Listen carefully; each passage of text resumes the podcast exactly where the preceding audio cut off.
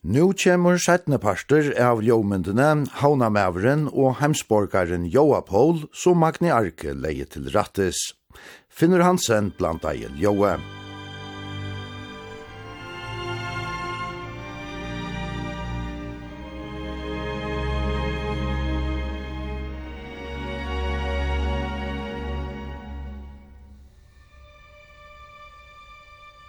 havnamævren og heimsborgaren Joapol.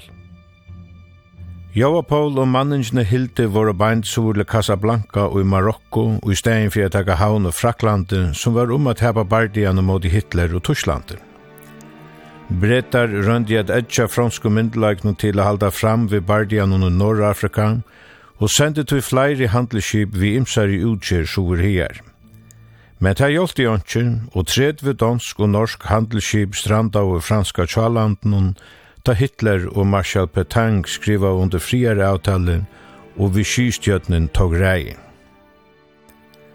Skibene lå i Casablanca og nagra manar, og var så flott nyan i Cebu-ånda ved Port Lyité norranfyrir Casablanca. Joa Paul fortalte at tuskerne finge negva sida her sore i franska tjalanden. Da vi kom til Casablanca, da stod det ofte noen armen og tog imot dere, og behildte dere og 2,5 år. Ja. Det var vi skistjøtnen som ja. tog imot dere. Ja, men ellers var Casablanca full av tuskar og så stod vi heila mellom han er. Ja, tyskarna var kommet her ta. Ja, det var nekve tuskar. Ja. Og her lå det så i halv tre år. Ja. Hva gjør du ditt her togina på? Vi arbeid på skipen og et halvt av lov Casablanca. Ja forskjellige ting, pusset opp og alt mulig. Og så ble vi sendt opp til et plass som er et portliote, det er Kinitra fyrr. Og så ble vi kalt i konsentrasjonskamp. Ja. Vi ble kalt til halvfjerstju fjåingar utan Casablanca. Danske og norske sjåmenner var sendere fengaleven, tog tuskarar ivavst ut av lojaliteten, og Du der rødde flagga vi norskun og danskun flaggun av norska tjóardinum. Levnar utanfyrir Casablanca voru flest allar byggdar til å husa fölkjum som under spanska borgarastrunum voru sendt til Fraklands og hiane til fransku tjálondin. Var du så inni hegnair at han fyrir puika tra? Nei, ikkje vit. Men andres menn tar vorda. Sluppet dit annars a gjerra til at vildi her? Ja, ja og vi slapp ut eisen om det här. Här var blodet bygd ner. altså, her var vi slapp å gjøre forskjellige ting. Så här normen var framman omtan och, og vi var i akkan ner mot sjånen en arran om man mot skäggen. Og normen har gjort en å. her pratade vi da vi var nere og fiska makrel altså, og kassa åt makrel og sånn. Ja. ja. Men annars hadde du ikke lønnet i arbeid her i tre år? Ikke til som är. ikke til som är og fettel tøyen ikke langt så det kunne gænge. Grola lang, grola lang, grola lang. Og så ble tekner heian fra, nian, halt nian i fjødden i Alkir. Det var det ringastan. Vi så ikke grøna pletten her, bæra gråd. Var det langt her oppe? Ja, vi var nok så langt. Men... Hadde ditt annars gått her oppe? Nei, vi hadde ikke gått. Vi hadde ikke gått. Vi hadde ikke gått där vi lejongan överlast som man sier. Vi, hej, vi kunne gjøre hva du vil. Ja, og och det tänker nog eta. äta. Nej, det var ångade metter, men ångade halv svenskar. Det var det ikke. Men tid hadde ikke hoa blå liggande her nere, kan jeg? Nei, men så... er där danskjobseraren, där kom ikke vi og, där finns inte den... Fin, danska konsul Casablanca garantera tajmon. Man garantera tajmon skulle rymma. Men den norska officerarna tajmon Tack säger tar här fyllde man skabinettet, Tar var oppe. uppe. Och en norsk skipare han har funnit smuggla ett radioapparat visst Han en modell. Och naturligtvis, att vi kunde svära in och lusta efter. Men så kom på en morgon, vi stillade apparaten. Så kom en styrmare ut och talade och nödde henne. Ja. Men så er morgon, då kommer han ut på hotellet. Han säger att ta, ta var stuttelig, Han sier att amerikanerna var kommet inn i Marokko. Ta ble levan og lov i, i kampen. Ta ta då och gera vi. jo. Och tant jag funnet inte gå över. Så. Det är også våre begge. Tan vel etna ja langgongan tja amerikanarun i Norr-Afrika tan 8. november 1924 var en tujande vend i hemspardianum. Dwight D. Eisenhower generaler som sættne var valdur amerikanskur forsøtte stod av 8 fyrir og det var kjøtt der tog i Marokko og Algier. Ta der saman du kom til fenga løvna og i Atlasfjöllunum var Jovapol og hinner sjåmenner flotter ur fjöllunum og man til Oran og i Algier. Og så dagen etter så blev vi tecknet om at Oran.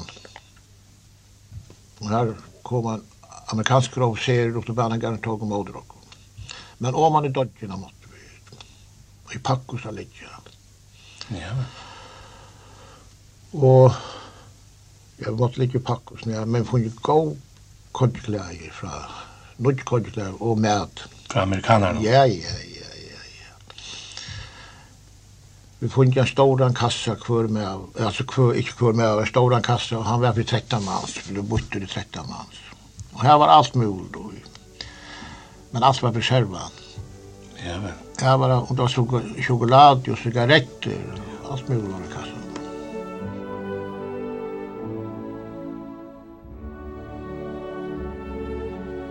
Managen var sjøen flott atter til Port Lyotei, her danske skipene loven. Eitt av danske skipnun hei en bjergingarbad vi motorer som egnar seg vel til å sykla mellom skipene og havnena og i portlige tei. Tannsjansen tog Joapol og sildige skiftet som fergemauer mellom havnena og skipene som lovu og i så se seg boånden til han fikk høvi affæra til Casablanca og leida seg etter høyre som han slapp ur Marokko.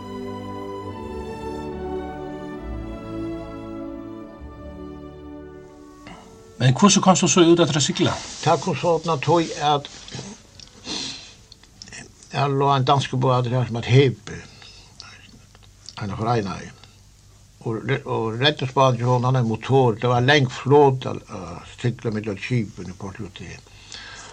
Og, og jeg, jeg heit han motor bare sikla vi.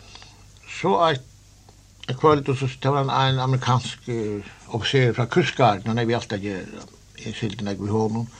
Og så sier jeg meg at i morgen skulle jeg fara om Casablanca via en italiensk kombat, som det er tidlig her, det kort amerikansk lag. Og så får vi Casablanca, for det er danske kibar, en danskar ble kibar. Og så kom til Casablanca, og han ble lastet av fosforbad. Og så får, ble alt mannskap kortet stedet. Men så ble jeg etter, jeg skulle være vaktmannen på våre barn. Og så en kjønna der, nå kom, kommer en halvt mannskap av grekar, som er veldig kampen der. Grekar skulle føre bad. Og grekar bare med å komme ved, men jeg sier, nei, ta for ikke med grekar. Og så får jeg land. Jeg var så heldig da jeg kom land. Så traff jeg mann, han sier en bad, og la ut, og han lå her i Casablanca, som manglar en mann, og jeg får ombord. Og så tar jeg heldig her. Og ta gikk man salongen og ta seg kipan her, og salongen fotla folk, de alle vil jeg var jobb, alle vil jeg var vekk her. Men jeg var selv, nå kjem styrmannen inn i salongen, og han snakka vi kipan, og han snakka dangst. Ja. Så hoksa jeg skulle være frekkere, og så sier, unnskyld, kipan i din danskare. Ja, det er jeg. Det var lov til å lage sånn å si. Hva vil du, sier han. Ja, sier jeg Jeg kommer så gjerne jobben som vi er. Ja, hva gjør du her, sier han. Ja, jeg er ved 2,5 år her, og til 2,5 år for nek, sier jeg. Nå vil jeg slippe vekk. Jeg tror jeg kan jobben. Og det var en deilig med å røre vi.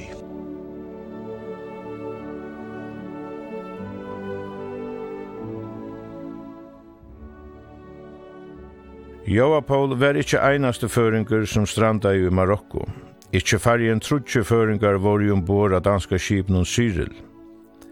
Hans Johansen ur Sjærvai var skipare, Søymen i Hansen av Strandun styrmæver, og Nils Jol Torstensson av førare maskinmeister.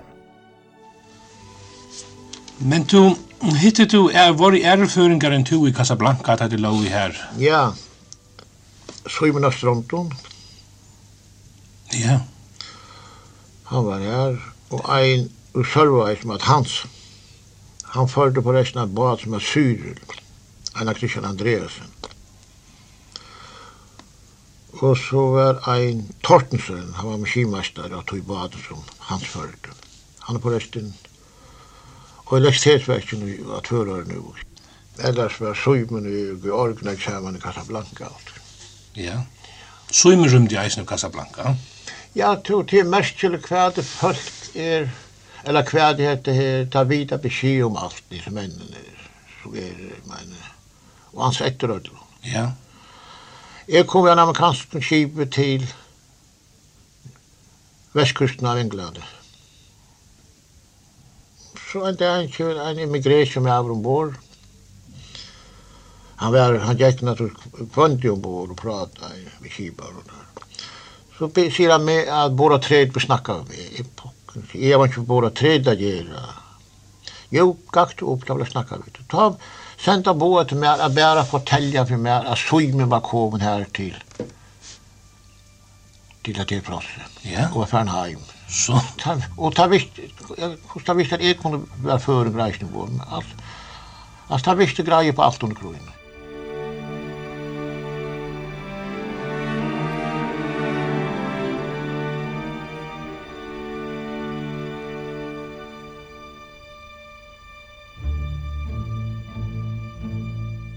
Joa Paul var fegin om a sleppa bostur ur Casablanca og lad vel at du nutja kiparan. Han var en fralugge med over vera vi. Tar for bant i vid New York, og her var han byen vi atter. Tar skilte trutja turar mellom USA og Bretland. Jeg skilte trutja turar vi gjennom Middel England og Amerika. Den tredje turen tar gående skrev, fikk han blokk i høtte, og så måtte jeg betale i London. Og da jeg kom ut at det var kjipe færer, men så fikk jeg ta en annan amerikanska båt i hvert New York. Og da jeg kom i York, så ble jeg høyre av ratter, et år, lukk ut til Japan med en maskin, det var en maskinskip, så røpte jeg, altså. En maskinverkstad. Ta høttu amerikanarar fóta sær atter ui Kyrrehavnun etter at japanarnir høttu rikidar atter etter helle síðan i alubi av Pearl Harbor i desember 1941. Tar skipa og en stóran innrasar her vi herdaldun fra herunun, herflådanun og flåvåpnun og sette seg fyri at taka atter allar odjanar ui Kyrrehavnun. Men teinrin var lengre sikla sykla vi forsynikon til herflådan og og drutt være flyta skip og flåfør til omvælingar av landet. Du skipa i admiraleren Nimitz en av særlige tjeneste deld som der nevnte Service Squadron 10. Hon fikk til oppgave av manna veidingarskip og flådande versteir som tordotcher, skipasmyer og verskmyerskip at omvæla flåfør og motorar, og skulle fylltja herflådanon og herferen i Kyrrehavnon og støvut veida dem tænastur av öllun handa. Nu var døvun ver servicekvadron 10 ofta tidsin fram fyrir sin hepna leiklod og sjóte framgångtnum tja amerikanarun og kyrrehavnun og i 1944 og 45. Skipe som Javapol minstra i A og i 1944 var parter av servicekvadron 10 og fyllte tog innrasar hernun av einon hermåte og i annan. Vi er 400 soldater ombord som var mekanikar. Vi lov å reparera flygmaskiner i Adjan og andre. Ombord kom der kjøtt i nei for stroppar til å flyta og lytta deiler, og ta kom dem og vel vi at heva joa på ombord. Han dodde kynstri å spleisa bedre enn agar annar, og var formlige utnevnder til korporal, til annars kunde han ikke tega av seg at venje hermennar til å spleisa stroppar og veirar. Det kom Jovapol vel vid sættene ta han rakk pensjonsalder.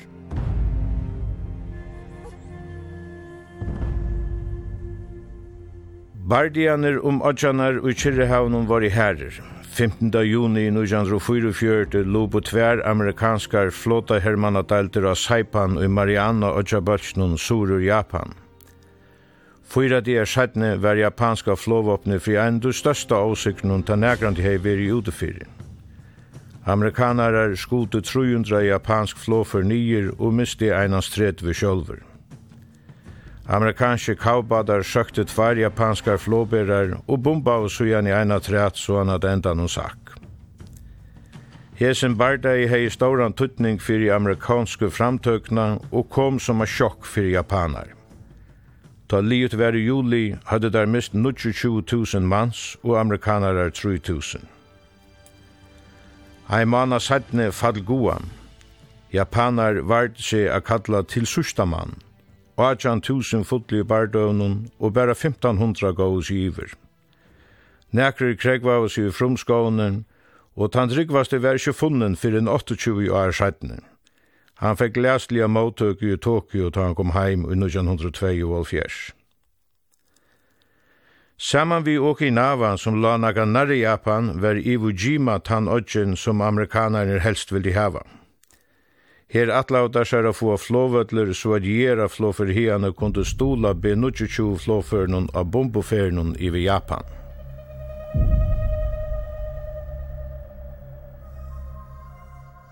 Amerikanerne forja land i Iwo Jima i februar vi 7000 hermannum og vant av å teka øytna etter fyra døvun, men bardiane vardi i fem viker.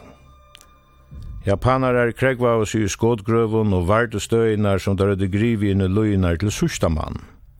Det var et blåbæ ur einun endi i annan. Bæra nekre fagir av 21.000 japanaren kom fra bardoen og ved løyvnun, medan 6.000 amerikanarar fotle og 13.000 var skjarter. Ein den kjentasta og mest ikoniska myndin fra Sætna Hemspartiet var tidsin og Iwo Jima, ta amerikanskir hermen reisa eina stong vi Stars and Stripes og Surabachi i fjallunum. Og Iwo Jima jarsetti amerikanar reisne negvar av dem fallne fra Guam, til lente var godt å fåst vi i somata.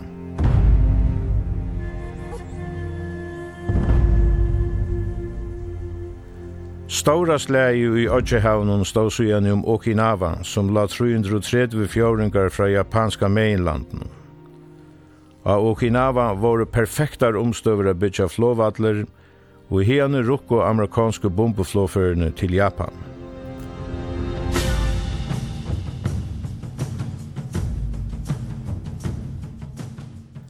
Vi amerikanska fylsnum som leib an 1. april 1945 var 1500 herskip, 1000 flåfer og 3000 bands. Japanar lødde nek fyrir a verja seg og varte seg vi nærum 100.000 hermannen. Japanske flåten og flåvåpne var skjert, og tar rønte tog a verja seg vi a senda 1000 kamikaze-pilotar av flå, så støtte flåførene nyere mot i innrasar herren. Tar søkte 26 skip, og 104 trusj andre skip finke større minneskegjerm, så det var ikke løye at sjåfalkje øttaist kamikaze-flåførene. Joa Paul var vi synun skipsfelløvun mitt i hesson råganun og i Kirrehavn.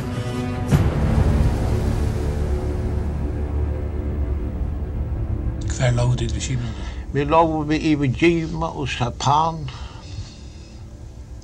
Var det fria litt her alene? Nei, nei, nei, nei. Det var etter okkur heil og flygvarner. Men vi vi klarar det, vi fungerer jo ikke. Men det var frekker av de japanesiske flikkvarene. Det var det. Det var nesten for i middelmastene også. Vi skådde tvær nye vidt og kjipen. Annars var det ikke særlig hending her ta? Jo, jeg var vi der, vi var vi her vidt og kjipen der, tog jo Guam, Guam, Han øyne ikke heter Guam. Ja. Her miste amerikanere grunne først, oh, naturlig. Var tid nervi här Ja, vi var inne med Så? Ja. Vi det är såna kött som går till baden. Men hur så bara till att det mest såna i folk? Ja, inte vet. Men grodan är folk mest. Och här... Alante? Ja, och här så får det att det lever gymma. Och här... Här var den en sandet, det var inte en grön plätter. Och här kom det och följde av lojorna till vi gym. Här blev det begravda. Det var så antaget där var så nätta på att nio där begrava. Men här var tatt, här var så, man kunde inte nog stinka håndan i middelkrossen här som var det här.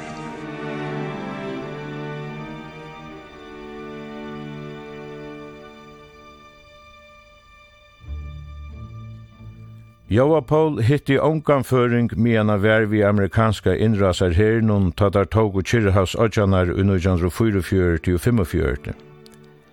Men her var en annar føringur vi amerikanska krussaran om Pasadena. Og så løye vartan at fergumennene bager Joapol og Hans Vistein som kasta oss saman om ferafalkaflottningen til og fra Estarova i havn fyrst i øldene, åtte kvørsund lot og i bardøvnen om Kirraus Ojanar og siksten av Japan i 1945. Du i herflåda mavren ombord av Pasadena kallast Vilja Martin Vistein og og var soner hans vi stein. William Martin var fødder i 1916 og får vi skolaskipen i 1935 ved saman ved fem øren føringen, ein tarra var gode vinner hans herre Ebbe Müller. Han var i Amerika da Danmark var herstidje og får i herstanaste til amerikanska flådan. Han var ombord av Pasadena, som var i Pui og noen Philipsøtjar, Saipan, Guam, Iwo Jima og Okinawa, her jo på leisene var. William Martin var middelen tar fyrstu sammeinte hermennar som sette fotena i japanska gjør, tog Pasadena var middelen fremste herskipne som sildi inn i Tokyo-flegvann da japanar hadde givis i iver. Heima i fyrjun visste familjan lute fra Vilja Martine, men nega etter krutje datta brev innom horna tja Bajanon Sofuse Vistein og i Maribo. William Martin var gaur eggleier og dodde vel a sia fra tui som sær og hon hei veri fyrir, men opplevingarna framme mot siknun hadde veri så eggvisligar fyrir sinne at han idla fekse til a greia fra daimon og smalotun. Men erren var han. Er i erren a kunna sia at kryssar i okkara Pasadena hever stegi seg vel og krynun, hovast han over veri i negvun hørun bardovun, og hovast han over veri i fleiri innrasun. Hetta tori jeg sia, tog at negver vinnmenn er skrykte borster, og tog at jeg vil oppleva så ekvislige rævelaikar under loftbardøvnun og i nærbardøvnun vi japanarnar, at jeg helst ikkje vil hukse om det, og en minne sia fra du, skriva i William Marston.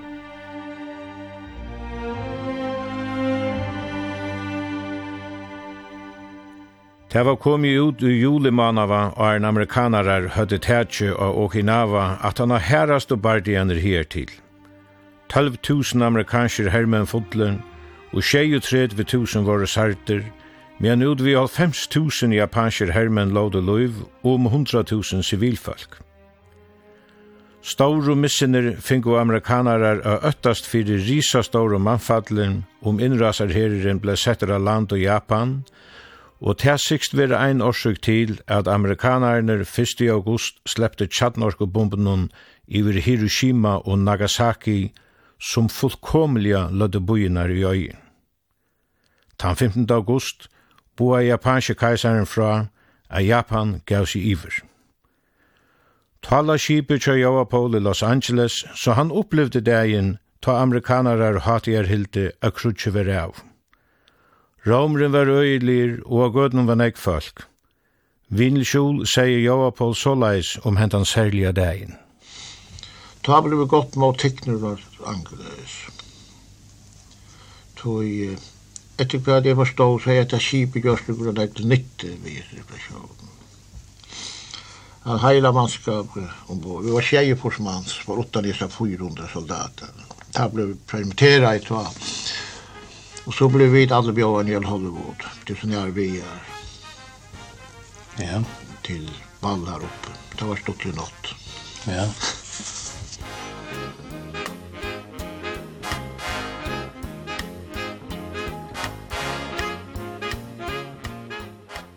William Martin var eisne tja tan 2. september 1945 ta japanarar gav oss formlige iver og utanrugis raherren Shigemitsu skriva i under kapitulationssjale ombord av amerikanska slagskipnum USS Missouri som la fyrir i atjeri av vujtjene.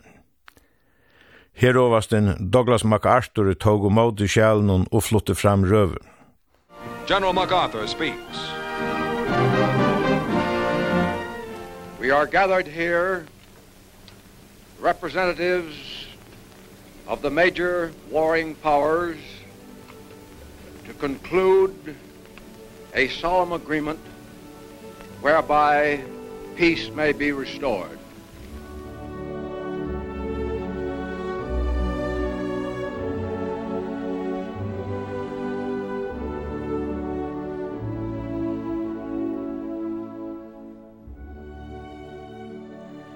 Vilja Martin Vestein var eisen i erin av heseløtene og greide latter om hjarta fra og i braunen til brauren og i Maribo.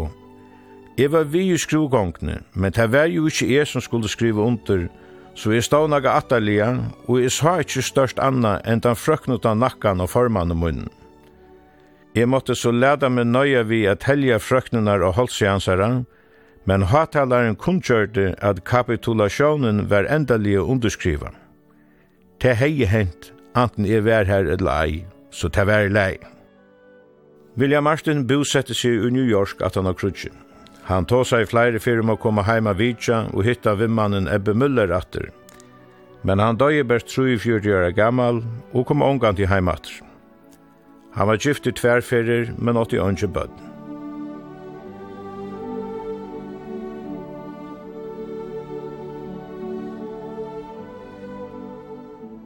Joa Paul får av verksmi i Kipnun i Los Angeles og fanns her ære høyre i USA og helt fram a sigla av heimshøvnun til heimlangslen fekk tætjo hon. Da fyrst turen han var nye til Indien, Pompei, og så var vi nere i Alexandria og alt. Men her var det fria leist av kom nere. Så. Det var grod og fria. Vi måtte ligga foten dampi opp, klara stikker kjøsatter inte har funnit förstärkningar, ta det bättre. Ta det bättre. Ta sig det till farm, ja? Ja, farm. Vad hade du till farm? Vi är alla med ord i handelsvärlden. Så kom vi hem av Tuibaten och så var jag en öronbad. Och här får vi ner i Persian Gulf, med oljeledning. Det var inte lika. Vi låg i två, tre dagar och lossade i oljeledningen här. Arreten. Och inte slapp land. Nej. Men här var, här var hatta lite. Så. Og så kom vi heim at og så får vi en ørenbad, ja, luttebad, ut til Martinik. Ja, vel. Fransmännen åtte Martinik. Ja, det gjør det. Men der funnet jo ikke sendt til det, det ligger alle hunker. Ja. Vi får ut med, med, med medværen til det. Kvierne får det ut? Vi får det fra, fra New Orleans. Ja, vel. Ja. Ja. Kus Vesili annars är ute Martinik? Stöggar det landar ut. Ja, vi lov gärna 60 Ja. Grola gott var det. Ta var det gott mot tecknet. Ta det kom vi att vi är inte till med. Det är ju inte särskilt stört plats. Nej, det är inte stört plats. Hva gjør det som bekvar av Martinik? Ja, det må jeg si, jeg vet ikke. Jeg sa det inte den Vi ble omringet, jeg tar kom av i lov och lukas attepartöjer och enkar. Vi ble omringet, av var deilig pen og små om bad, og så kom vi ut. Det var bare, bare mappa kom og gå ut og takk mot dere. Ja, vi var velkomna her.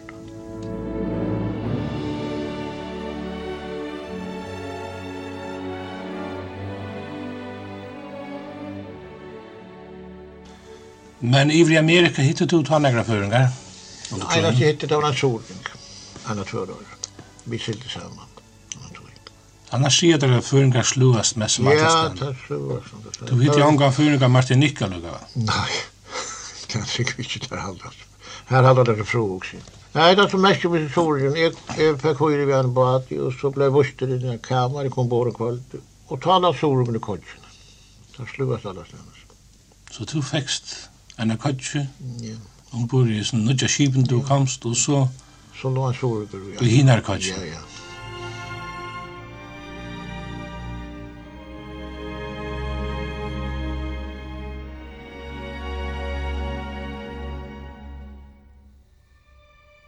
Ja, så en av henne så fikk jeg en høyre i New York. Vi Janne pikka litt på at.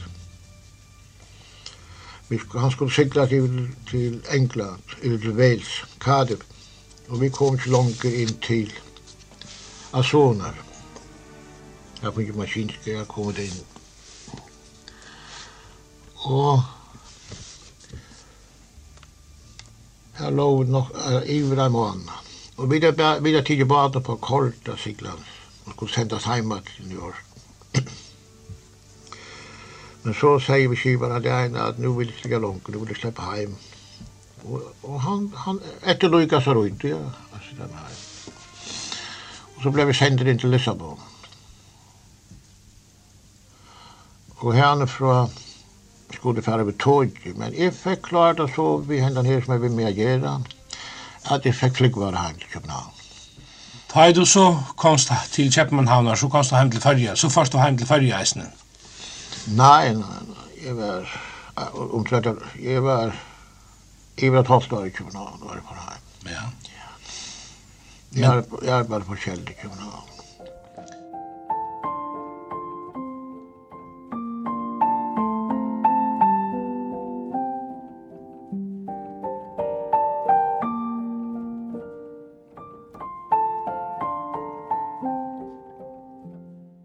Ta joa Pál at han sætna krutsk kom atter til havnar var han færen om det 60.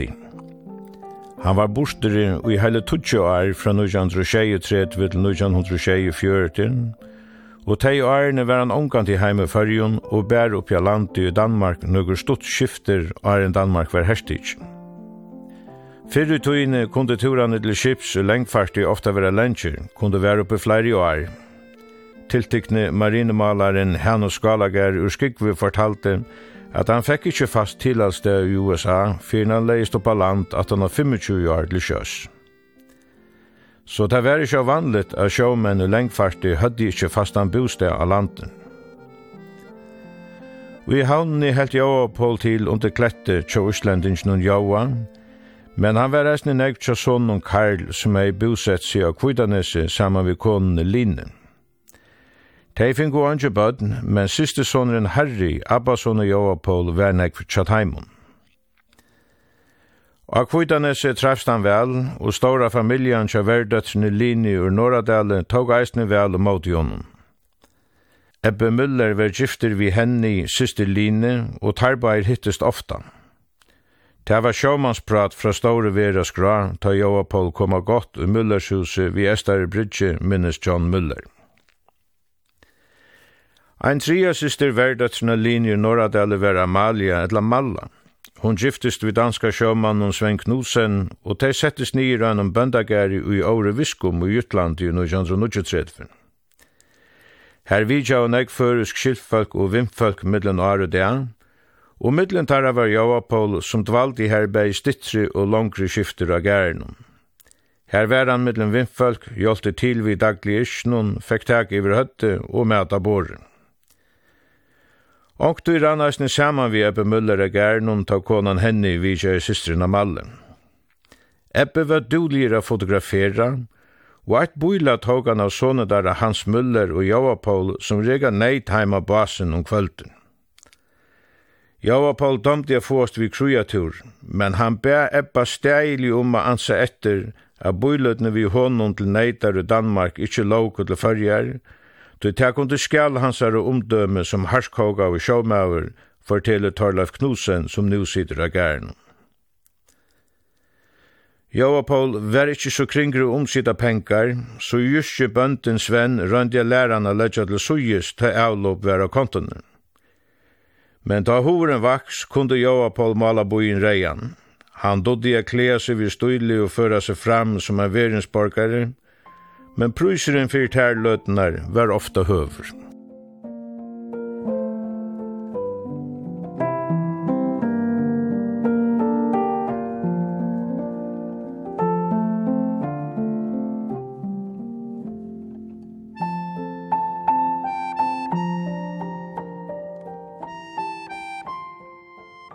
Heima i fyrjun sildi Jóa Paula skifti vi Smyrli, onkur du veran vi kjaldrunum, Hon domte vel er ikke ut, og senast i årene taltes med mellom navn frem med lossingamennene i havn, og passa i ofta kranan ombord av dronningene.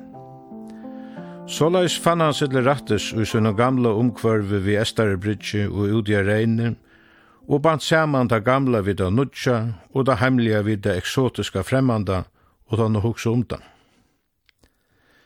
Jeg og Paul og Karla Kak var bare vi smyrlet han turen ta han miste motororskna og reak fyrir va og vind i hestfyri i 1924. Og i en sending om samferdselsøvende her fire myntest at av ferrefolknen Torlaf Augustinesen, selja eina manninsne fra tog-turen, til han var så råligere og vinsaler. Han kallades Joapol og Verur Havn myntes Torlaf. Joapol var oftast velhurter og dodde jeg sier fra. Han pladde jeg sier ved rannsnar til Ebbe at han hei så utstandande i øyrer til han hei silt så nek ved dessiklar at han var unger. Og ta det brydja og søver om anna kajene som eit no tiltikne søvna om hotetje farvel Paul, så flenti han bæra. Søvan var med en dag en det ble lossa ombord av dronning Aleksandrinen, og en snapsafløska stå og arga i lossinga mennar og en ombore innanfri et åpe kikveia av detsjnum. Så eina fyrir ratte Paul håndene innjøkne kikveia, men da hånden kommer en om, teger han hånd innanfri og i hansara og spyr hva han vil. Jeg ville bare si farvel, var Paul sjådra sværa. Ja vel, men så farvel, Paul, sværa i hovmeistaren vi en stårum bråsen. Hotage farvel, Paul, livrenn, Men til ångan du stafest hver Paul åtte replitsjene om bor og dronningsne, du hun var fortalt om meir enn den ene låsingamannen som kallades Paul. Ja, Paul fikk under krunnen og i bøye av gerast amerikansker rujusborgar. Men hvor blei du ikke verand i Amerika ta i krydje var liet? Ja, jeg skal si at det var sånn at jeg var oppe til migresjene en dag, og det var skipar vimmar, danske som den fyrste kom vi i. Og ta spurte jeg bare med og han om vi vil være amerikanske borgare. Ta var det, ta, ta var det tre år man skulle være i. Ja. Men at 18 av krogen for andre til fem år. Og så sier han nei, skipar, og så spurte han meg, så sier skipar, nei, Paul også for heima til reisen, så sier jeg bare ja. Sier skipar svarer jeg først. ja, han var så grov og god med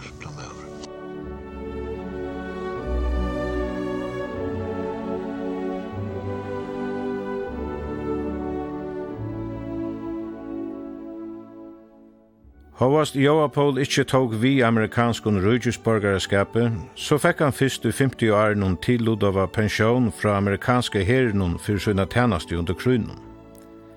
Ta kom vel vi til honom som annars ikkje åtte nega særligt gjerest gøss. Flere er søvnar om gleistunter, bægjudja reine og kvitanese og i åre viskum, ta dollarene rudla av inna. Det er rakt langt fra stuttlige løter sammen med Vimman og Karla Kag og Karl Reinheim og Gjereiner. Og eina fyrir kjøpte han uispinnar fra Frans til ødelbøttene som hodja oppi av Kuitanessen, men der kom jeg omgående fram til badren sjón og stega jeg opp og han kom leina til Kuitanesser, så han måtte eta atla sjolv. Og i Viborg får han eina fyrir stasklatter og dyre sko i marskna og vann han en ståra sigg vid Lotaselen. Ta atla og flere bønder i grannalandene gjøre kvette og kjeiban av bøylige frånen, men bæg Java Paul og Sigvin Kvorve, og da han kom at rui at en agra dia skjedne, hei han selt grusen og hildi hoff for pengane.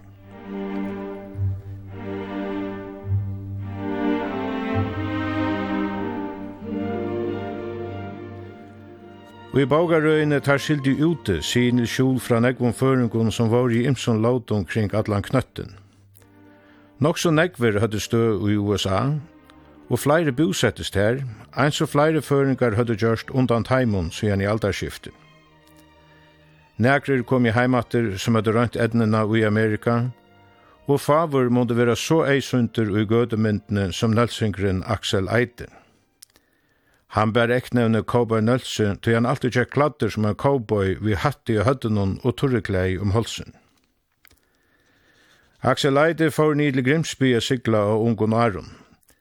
Han kom så atter til fyrja a sigla et stort skifte, men utlangsel kom oan atter, og han slapp seg sted atter i 1920. Tvei år sættne notera amerikanske myndelagar at en maver som råbar seg Tom Eddy er komna land vi Ellis Island. Han var kallaver inn til herstennast i 1916 og var skjerder av bajonettstunke og hermåten under mittlen skådgravnar i Fraklanden. Og i sjølun sast at han var landet i Minnesota, ein 15 år, men satt i åren i USA var han i North Dakota tatt vid Theodore Roosevelt Park som er tiltidsi cowboyland. Og i sjølun var han titulera over Farmer, Hired Hand og Sheepherder, så ivalest skifti han fra sjøluvnun til å slå av cowboy. Heima fölkje visst i ontsa si fra honom, før han atter stod i tunen i nølse av jólun i nødjan rolltrus. Ta var han 35 år gammal og heiver borster i 40 år. Han sildi heimur i New York vid noen Stavangerfjord og kom til Oslo stått fyrir jól. Det var stor hending her, en så ta tjaldre lei at og Estarebridge i gamlun døvun. Ein blamaver fra Aftenposten vera stannon, og middelen ærar celebriteter fekk han eia av sermersta nødsynskjent. Dagen etter var mynda og Tom Eddy i Aftenposten under cowboyhatte og vi eikjent om turreklei om holsen. Og i teksten under myndene stod Cowboyen Thomas Eide, en praktkar som skal hjem til ferøerne efter å ha vært på ranch i Amerika i mange, mange år. Stetsonhatten bær Cowboy Nølse, alias Thomas Eddy, alias Axel Eide, til sundagjande det i 1908 Om til munte kom en annan med over atter ur Amerika, som eisen hever borster gjennom 40 år over der. Det var Daniel Andreasen som middelmanna var røpter amerikanaren. Han var skrass av Ellis Island i 1916 og for å sykla vid Kibon ur New York. Og i 1938 tog han vi amerikanskon rujusborgarratten, og under krynon sast han sigla fra amerikanske vesterstrondene, og han boi gjennom gære i Seattle og er han flott i heim. Amerikanaren og Joapol var jangamler og bæir var i haun, ta høvestavren fekk fyna amerikanska vidjan i maimana i 1938. Ta kom amerikanske sendemærne i Danmark Val Peterson til fyrja a hitta føreska myndelagare. Val Peterson var ikkje kvar som helst. Han var guvernører i Nebraska og er for å tjene stjøttene til Eisenhower som overste for sivile vergen i nøkker år. Han flyttet i 1926 og trus til Danmarkar hien og foreldrene var i Attaim som ambassadører for USA. Petersen vi fylkje kom vi Kjaldsen til Havnar sunnedag sætnapart, og næste deaner vi kjav dei imsastegane i fyrjun, og våre til varsledøvrar kvart kvöld. Eins og i det var det ivalest strategisk hernavarmal som eldte tilvidjanna ta. Og i utvarstøynd noen 16. mai skriva en lisjul, Fyrra parten i morgen skal sende mauren vidja bakalau, og så gjerne fyrir til fjalls, norr mjørskatal. Anki var overførst til amerikanaren om hetta munter, så der sendte destroyeren Bristol av havnene for å av Val Peterson vi fylkje atter til Danmarkar. Han leie et åttast av målan om høstmorgene 9. mai, og bløyene skriva at det var første fyr at amerikansk herskip vidtja i fyrjun. Mannen ombord talte 200 mans. Skibaren Franklin Bergen var veteraner fra 17. heimspartiet, som er ikke lod i krynon om Kirrahals og Tjannar.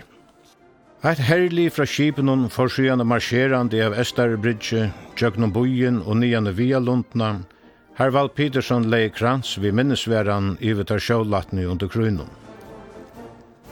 At han har kransa leggingsna bei sendemauren versten under fyrjun til morgumætar varsli og hodle fyrjun av kongabrunne, og takka i for blodskapen, og handa i Nils Winter Poulsen landstyrsmannen størfingtna boka og filmskave omframt eit nøymodans framvisingartål skriva i Dimmaletting. Søgjene var ødel Pinnamadsbrigadan i havn anno 1903, boin ombord av USS Bristol, av suttje amerikanske herskipen. Samstundes var stor mannfjöld kommet saman av bridgen i skoa kipi og leitjen. Ta allir der fine gestiner hadde sagt farvel og var farnir i land, tog der langgångsna USS Bristol og skulle løysa endanar. Men ta fikk Val Peterson eia av tveir eldre herrar som kom spaserande ut etter målan. Det var Joapol og amerikanaren Daniel Andreasen som kom i å sia farvel.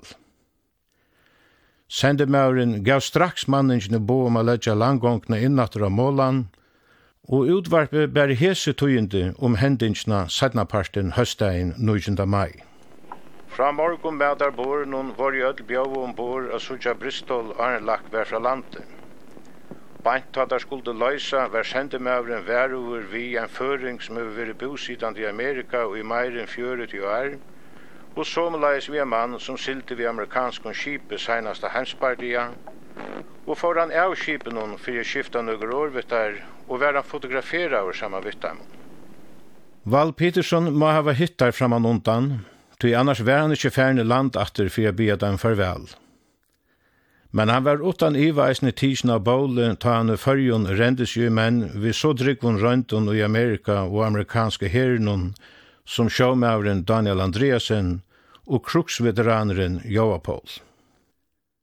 Minnene fra Bardøvnen og Kyrrehavnen ter herraste under krynon iver høver, våre framvis fesk til amerikanaren, og tog var det pura naturligt at han viste joa på lugastora viring som det finare fölksnum i havn.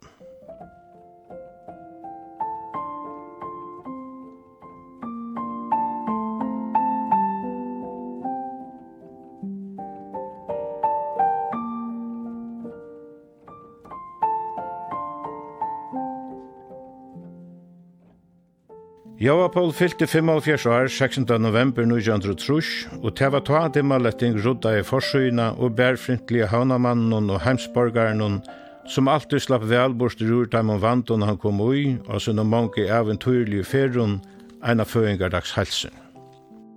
Kristians Kristianshavn ligger et heim fyrir oppelagsta sjåmenn som nevnes bombebøssen. Segelmerkaren og Hannes av bo i her, og som skilst fekk eisne Joa på plås av bombebøssen om hetta munden.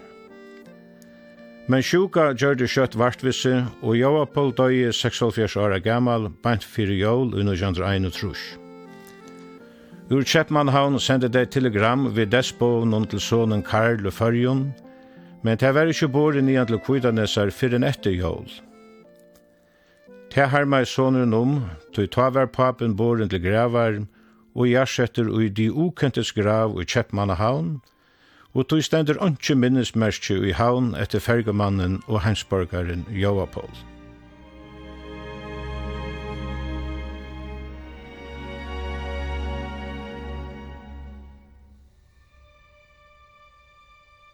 Havet var alltid parter av løyvnum til havnadrønsjnum som vaks oppe gønsjnum, og han boi ståran av evne ombord av skipun ta han reikai rundt om knøtten atlan.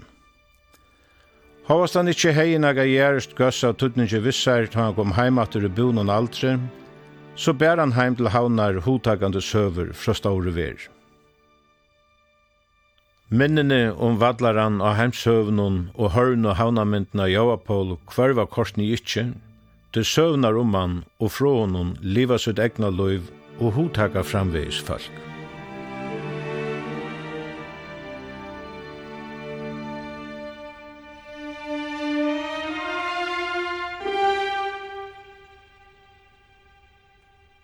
Vi hava hårst sætna parst av ljómyndene Havnamævren og heimsborgaren Joapol, som Magni Arke leie til rattis. Sendingen bygde av samrøvå som Nilsjul Arke det vi Paul Poulsen og i Nujantrusjei og Altrush, tilfær ur bokarøyene tar skiltu ute og tøynda milon omframt frasagner fra Imson Ørum Heimildar folkom. Finner Hansen blant eil joe.